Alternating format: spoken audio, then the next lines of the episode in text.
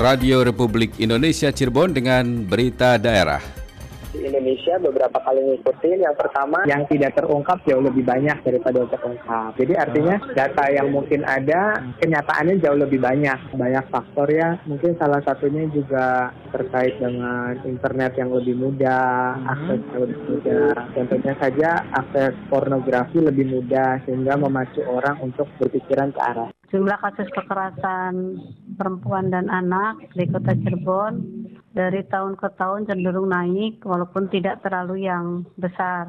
Kemudian jenis dari kekerasan itu ada beberapa yaitu di antaranya kekerasan fisik, kekerasan seksual, kemudian kekerasan mental.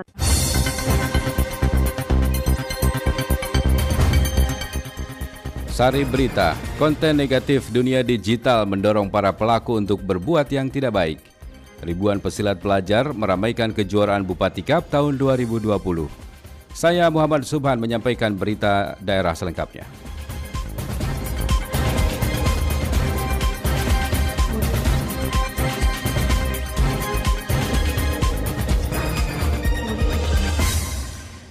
Kekerasan terhadap anak merupakan perhatian khusus yang harus segera diatasi. Laporan disampaikan Aji Satria. Maraknya berbagai kasus kekerasan terhadap anak, bahkan sampai ke perbuatan asusila, menjadi perhatian khusus dan harus segera diatasi. Hal tersebut diungkapkan Julius Darmawan, sarjana psikolog dari komunitas Sahabat Jiwa Cirebon. Kepada RRI, Julius menuturkan banyak faktor yang menyebabkan terjadinya kekerasan terhadap anak, di antaranya kurangnya pendidikan sejak dini, selain itu juga akibat akses dunia digital yang menampilkan konten negatif sehingga mendorong para pelaku untuk berbuat yang tidak baik terhadap anak-anak. Tentu, tandas Julius, perlunya peran orang tua sangat penting dalam mendidik anak-anaknya dengan lebih baik sesuai dengan porsinya.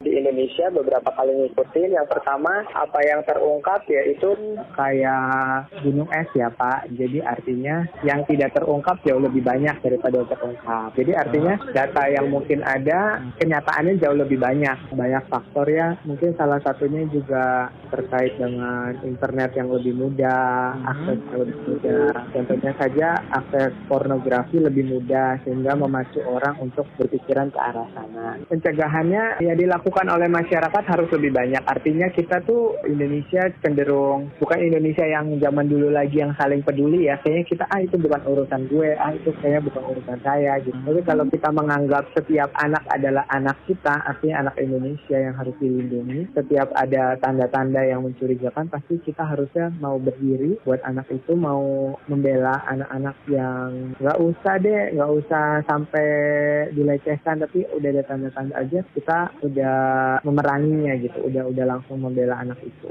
Himbauan buat orang tua yang pertama sex education tuh harus diberikan sedini mungkin. Daerah mana bagian tubuh mana yang tidak boleh disentuh oleh orang lain itu harus sudah mulai ditanamkan kepada diri anak-anak sedini mungkin. Yang kedua adalah orang tua harus bangun komunikasi dengan anaknya. Sehingga kalau ada orang lain atau gurunya atau siapa pun yang melakukan tindakan pelecehan anak berani dengan nyaman cerita kepada orang tuanya. Julius Darmawan mengharapkan agar semua pihak mulai dari pemerintah pusat hingga daerah bahu-membahu dalam menangani permasalahan pelecehan seksual atau asusila terhadap anak-anak tersebut. Aji Satria melaporkan.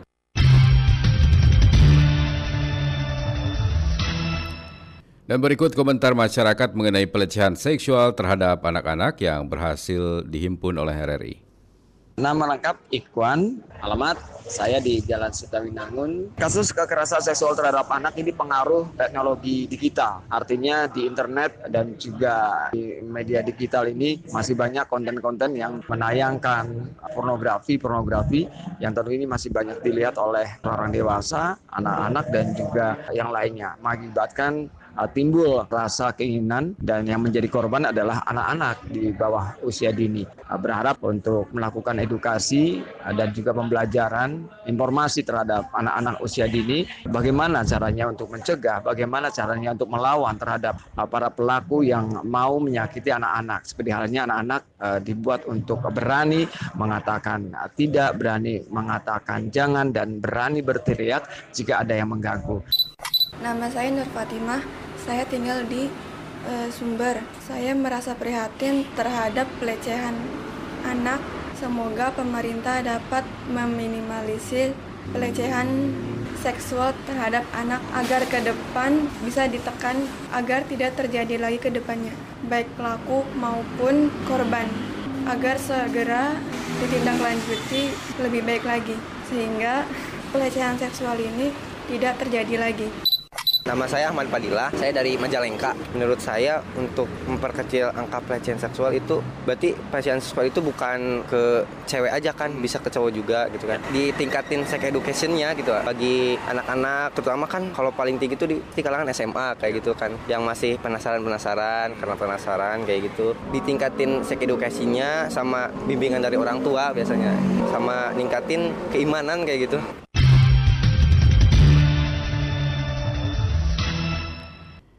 Dan kita akan mengikuti perbincangan reporter kami Lengga Ferdiansyah dengan Kabid um, Pelindungan Anak Dinas Sosial Pemberdayaan Perempuan dan Pelindungan Anak Kota Cirebon Haniati dalam topik kekerasan terhadap perempuan dan anak. Assalamualaikum warahmatullahi wabarakatuh. Waalaikumsalam warahmatullahi wabarakatuh. Baik Ibu mengawali wawancara pada pagi hari ini terkait dengan kekerasan pada anak untuk di kota Cirebon Bu. Bagaimana Bu? Pada intinya jumlah kasus kekerasan perempuan dan anak di kota Cirebon dari tahun ke tahun cenderung naik walaupun tidak terlalu yang besar. Kemudian jenis dari kekerasan itu ada beberapa yaitu di antaranya kekerasan fisik, kekerasan seksual, kemudian kekerasan mental ya. Untuk kekerasan seksual yang paling tinggi di kota Cirebon. Ini ada kecenderungan kenaikan. Kekerasan pelecehan seksual ini Bu, kenapa masih dalam angka paling tinggi untuk di kota Cirebon? Faktornya adalah mungkin pemahaman si anak sendiri belum tersosialisasikan atau belum terpahaminya bagaimana dia mengenal dirinya, bahkan hal-hal yang ada kaitannya dengan kekerasan lingkungan dia paham tapi kemudian ada peluang itu bisa terjadi. Kemudian dia paham tapi di lingkungannya juga mempengaruhi untuk terjadinya kekerasan itu juga bisa. Dari pengawasan orang tua juga dilihat dari pergaulannya, kemudian dari kondisi fisik dan mentalnya, kemudian pola hidupnya sebagai orang tua harus memantau bermain ke mana, bergaul dengan siapa itu sangat penting serta bagaimana cara mendidik anak tersebut. Ya. Kemudian dari status sosial, ekonomi itu juga juga tetap pasti berpengaruh. Dan yang lebih fatalnya lagi itu dari pengaruh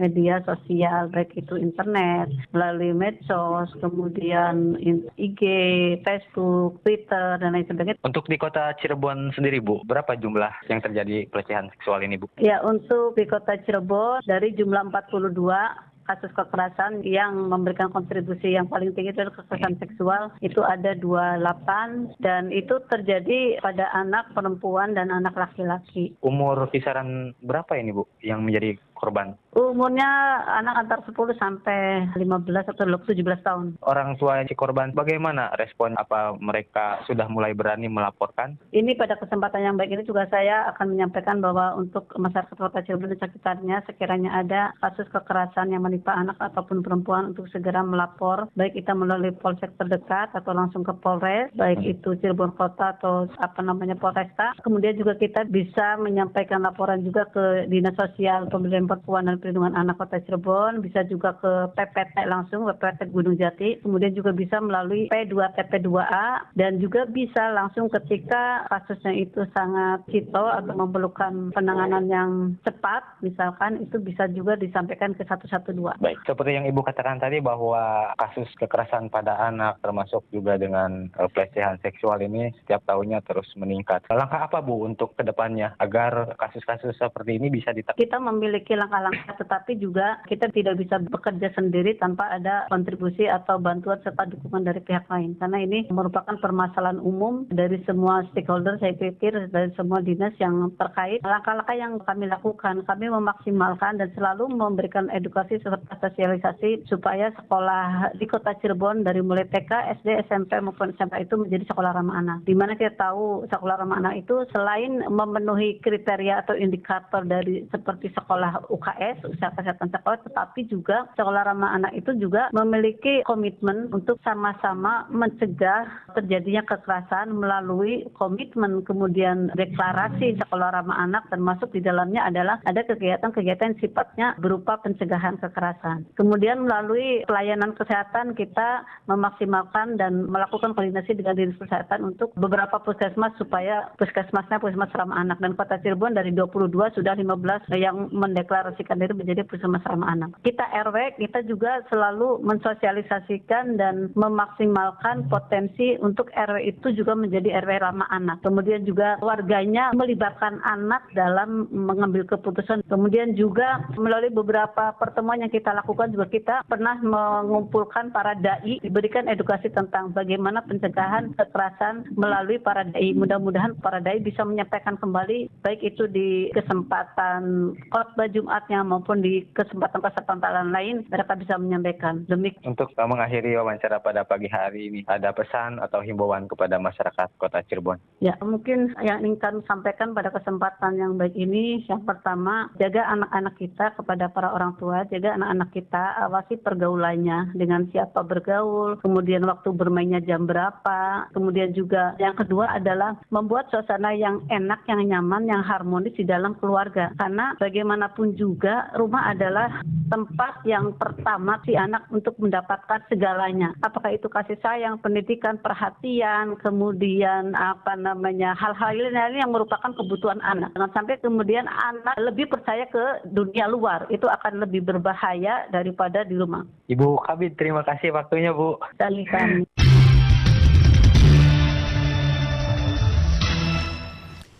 Salah seorang nelayan Cirebon Dedi, warga desa Waruduwur, Kecamatan Mundu, Kabupaten Cirebon merasa bersyukur dirinya termasuk salah satu yang terdaftar dalam program asuransi nelayan dari Ditpol Airut Polda Jawa Barat. Pasalnya, Dedi telah merasakan langsung manfaatnya saat mengalami kecelakaan kerja. Dedi menuturkan dirinya terkena cangkrang rajungan dan terluka. Dedi pun langsung menerima klaim asuransi nelayan di kantor Jasa Raharja Putra Kota Cirebon kemarin.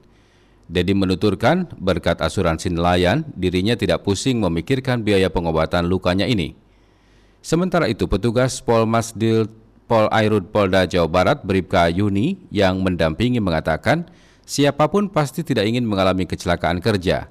Namun kita juga tentu tidak bisa mengelak dari musibah datang.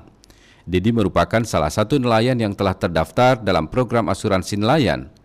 Bila sudah terdaftar, baik saat sakit ataupun meninggal dunia, maka keluarga sang nelayan bisa mengajukan klaim.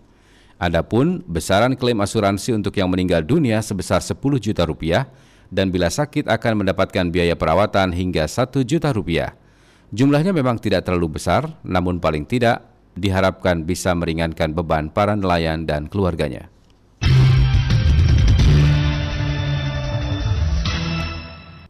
Palang Merah Indonesia Pusat berterima kasih dan memberikan apresiasi yang tinggi kepada pemerintah Kota Cirebon yang telah menyediakan lahan dan pembangunan markas PMI Kota Cirebon. Hal itu sangat membantu PMI dalam meningkatkan pelayanan kepada masyarakat. Sekjen PMI Sudirman Said mengatakan ucapan terima kasih dan apresiasi itu saat bersama pengurus PMI Provinsi Jawa Barat dan PMI Kota Cirebon bertemu dengan Wakil Wali Kota Cirebon Eti Herawati di Balai Kota.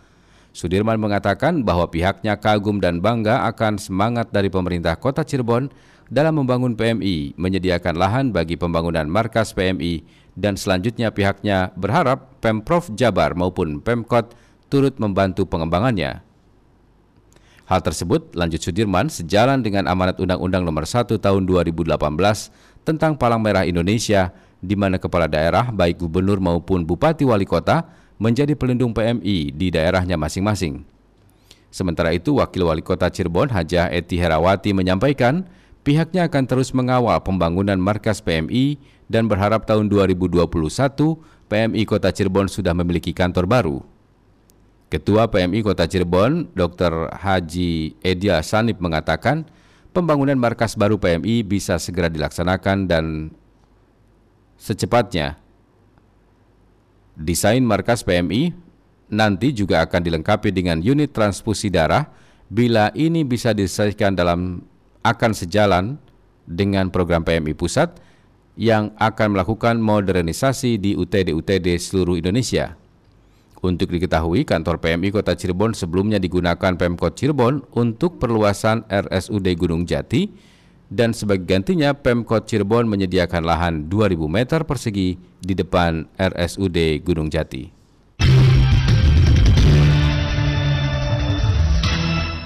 Anggota Komisi 3 DPRD Kota Cirebon, Fitra Malik, berharap KONI Kota Cirebon terus fokus dalam melakukan pembinaan secara menyeluruh di tubuh semua cabang olahraga yang bernaung.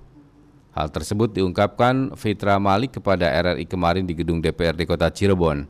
Menurut Fitra, dengan segudang prestasi olahraga yang telah diraih selama beberapa kurun waktu pelaksanaan Porda Jawa Barat, tentu itu harus membuat KONI Kota Cirebon lebih bersinar lagi dalam menghasilkan atlet berkualitas di tingkat nasional.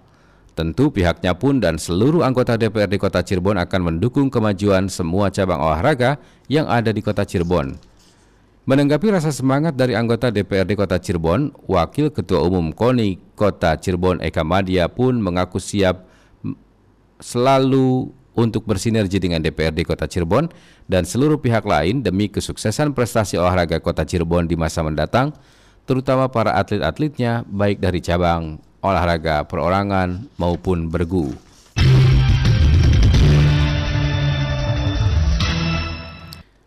Seribu lebih pesilat pelajar meramaikan kejuaraan pencaksilat Bupati Cup tahun 2020. Informasi disampaikan Alex Sunardi. Lebih dari seribu pesilat usia pelajar tingkat SD dan SMP sekabupaten Cirebon meramaikan kejuaraan pencaksilat bertajuk Bupati Cup tahun 2020 yang berlangsung mulai kemarin di Gor Rangga Jati Sumber. Sekretaris Umum Pengda Ikatan Pencak Silat Indonesia IPSI Jawa Barat, Yoyo Yahya, yang menghadiri pembukaannya, mengapresiasi dan menyambut baik kegiatan yang digelar IPSI Kabupaten Cirebon tersebut, apalagi pesertanya mencapai ribuan pesilat.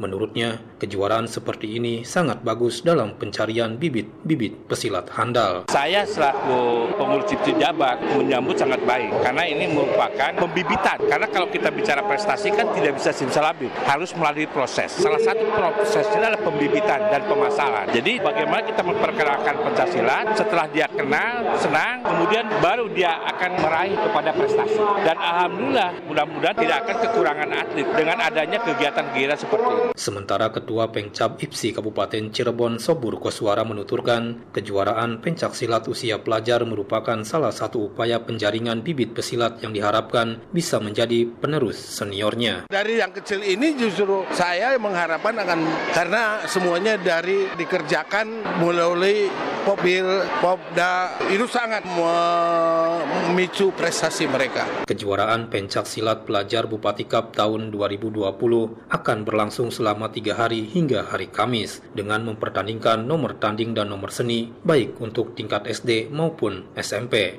Alex Sunardi melaporkan.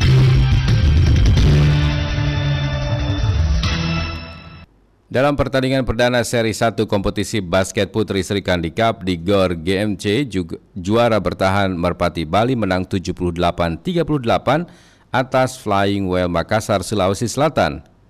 Pelatih Merpati Bali Bambang Asdianto pribadi mengatakan, dalam pertandingan pertama ini tim asuhannya masih canggung, walaupun harus dibayar mahal dengan cederanya salah seorang pemainnya, Dora Lovita, namun berhasil mengalahkan lawannya. Sementara itu Scorpio Jakarta berhasil mempersembahkan kemenangan 6-8-6-6 atas sahabat Semarang melalui overtime. Scorpio Jakarta tampil mengenakan sepatu Kobe Bryant dari berbagai jenis model untuk mengenang legenda bola basket NBA Kobe Bryant yang meninggal akibat kecelakaan helikopter di Amerika. Pelatih Scorpio Jakarta Budi Wardoyo mengaku bangga atas kemenangan timnya dalam laga perdana tersebut dan berharap bisa kembali meraih hasil serupa.